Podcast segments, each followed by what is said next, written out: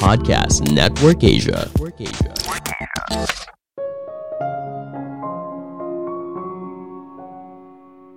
Hidup bukanlah garis lurus, tapi berkelok-kelok seperti saat kita menaiki gunung. Gejolak hidup yang bisa menguatkan dan membentuk kita menjadi pribadi yang lebih baik. Halo semuanya, nama saya Michael. Selamat datang di podcast saya, Sikutu Buku. Kali ini saya akan bahas bagaimana cara kita menghadapi berbagai perubahan hidup. Ini merupakan rangkuman dari video TED Talk Bruce Wailer yang berjudul How to Master a Life Transition dan diolah dari berbagai sumber. Hidup itu tidak selamanya mulus, kita pasti mengalami gejolak. Ada masanya kita bisa melewati gejolak hidup dengan santai, tapi ada kalanya gejolak yang muncul tidak seperti percikan air, tapi lebih seperti gempa bumi. Di saat itulah momen yang bisa merubah hidup yang kita jalani. Perubahan besar seperti kehilangan pekerjaan, menikah, ditinggal orang yang dicintai, dan sebagainya pasti memiliki dampak yang luar biasa bagi hidup seseorang. Bagaimana caranya agar kita bisa tetap kuat menjalani perubahan tersebut? Perubahan ini tidak membuat kita jadi makin terpuruk, namun bisa jadi momen untuk menciptakan kembali diri kita yang baru. Sebelum kita mulai, buat kalian yang mau support podcast ini agar terus berkarya, caranya gampang banget. Kalian cukup klik follow. Dukungan kalian membantu banget supaya kita bisa rutin posting dan bersama-sama belajar di podcast ini.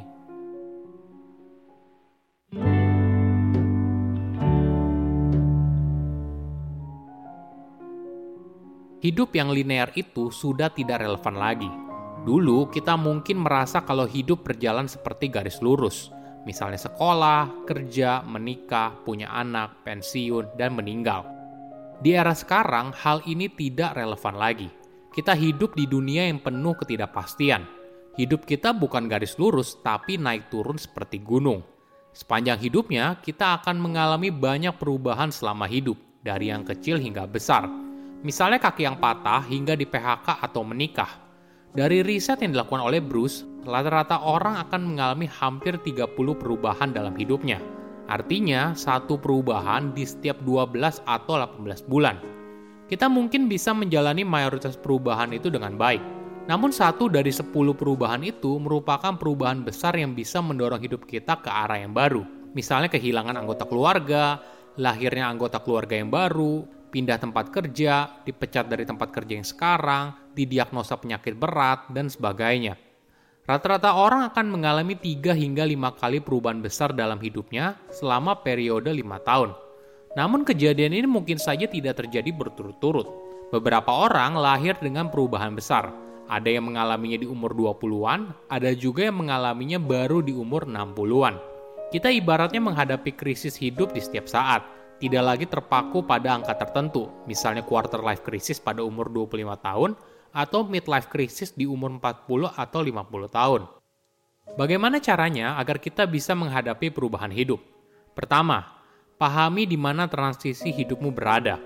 Ada tiga fase transisi kehidupan. Long goodbye, fase di mana kamu meratapi masa lalu yang tidak akan kembali. Messy middle, fase di mana kamu meninggalkan kebiasaan lama dan menciptakan kebiasaan baru. The new beginning, fase di mana kamu memulainya dengan dirimu yang baru. Menariknya, fase transisi kehidupan ini tidak melulu mulainya berurutan. Kita perlu menganalisa fase mana yang kita kuasai dengan baik, lalu mulai dari sana. Misalnya setengah dari kita tidak suka fase messy middle. Mereka kesulitan menciptakan kebiasaan baru, tapi ada orang yang ahli dalam buat pilihan hidup kemudian menganalisa mana yang terbaik buat mereka. Gak masalah, mulai dari sana. Empat dari sepuluh orang tidak suka dengan long goodbye. Mungkin karena kita suka menyenangkan perasaan orang lain atau kita sulit menerima kondisi yang berat. Tapi ada orang yang ahli di sana, ya nggak apa-apa. Poin utamanya, menjalani transisi kehidupan itu nggak mudah. Jadi pilihlah fase mana yang paling nyaman buat kamu, bangun kepercayaan diri, dan bergerak maju.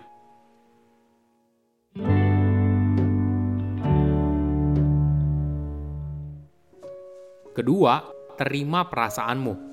Ketika merasakan perubahan hidup yang besar, itu bukanlah fase yang mudah. Banyak orang sulit menerimanya, sehingga dia ibaratnya terjebak dalam situasi tersebut. Ketika ditanya kenapa, ada yang menjawab karena rasa takut. Misalnya tiba-tiba saja kamu dipecat. Gimana caranya saya bisa melewati fase ini? Apakah saya bisa mendapatkan pekerjaan yang baru? Dan sebagainya. Selain takut, mungkin saja orang itu merasakan kesedihan. Misalnya saat mereka kehilangan orang yang dicintai atau adanya kejadian buruk sehingga anggota tubuhnya menghilang. Emosi terakhir yang mungkin muncul adalah malu. Kamu malu atas keadaan hidupmu sekarang, atau mungkin saja kamu malu untuk meminta bantuan orang lain. Setiap orang punya caranya masing-masing untuk menerima perasaan tersebut. Ada yang coba berdamai dengan menuliskan apa yang mereka rasakan. Ada juga yang justru bekerja lebih keras dan mendorong perubahan dalam hidupnya. Namun 80% orang biasanya beralih pada ritual. Misalnya seseorang bernama Maynard Howell setelah meninggalkan karirnya sukses di perusahaan farmasi besar untuk membuka gymnya sendiri, dia lalu menato kata breathe di tangan kanan dan happy di tangan kiri. Ini sebagai simbol kalau tekadnya sudah bulat dan dirinya tidak akan kembali lagi ke dunia korporat.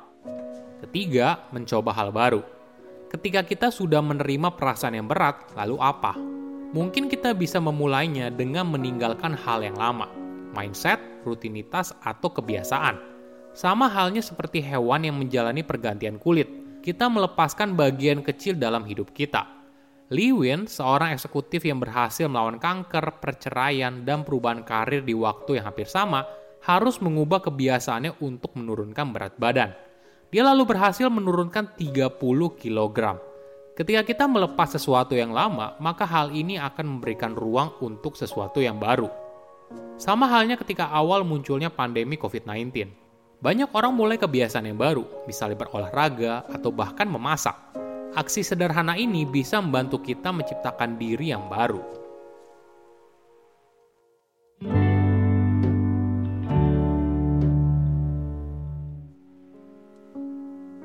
Keempat, belajar dari orang yang lebih berpengalaman.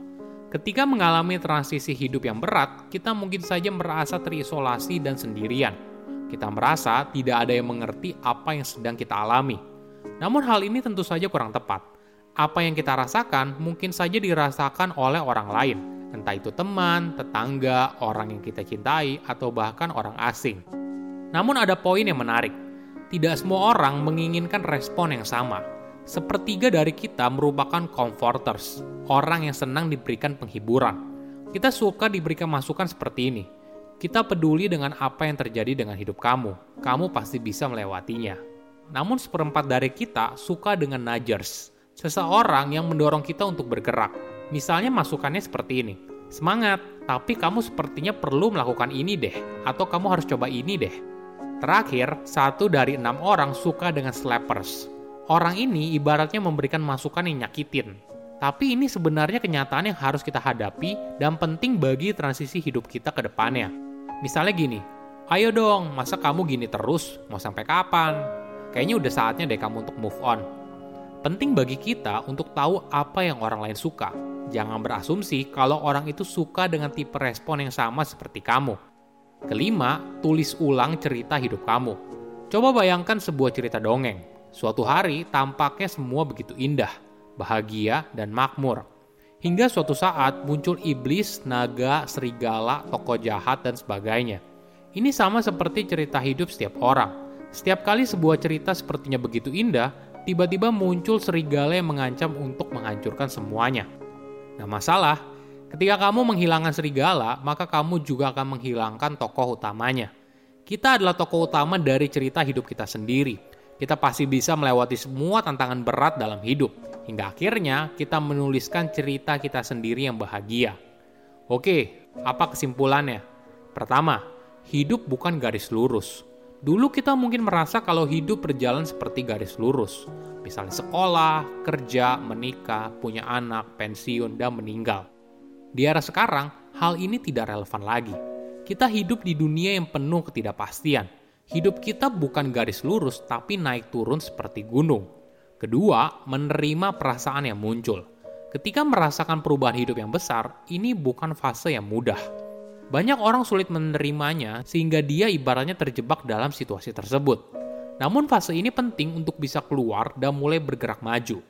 Ketiga, menulis ulang cerita hidup kamu. Kita adalah tokoh utama dari cerita hidup kita sendiri. Kita pasti bisa melewati semua tantangan berat dalam hidup hingga akhirnya kita menuliskan cerita kita sendiri yang bahagia. Saya undur diri, jangan lupa follow podcast Sikutu Buku. Bye-bye.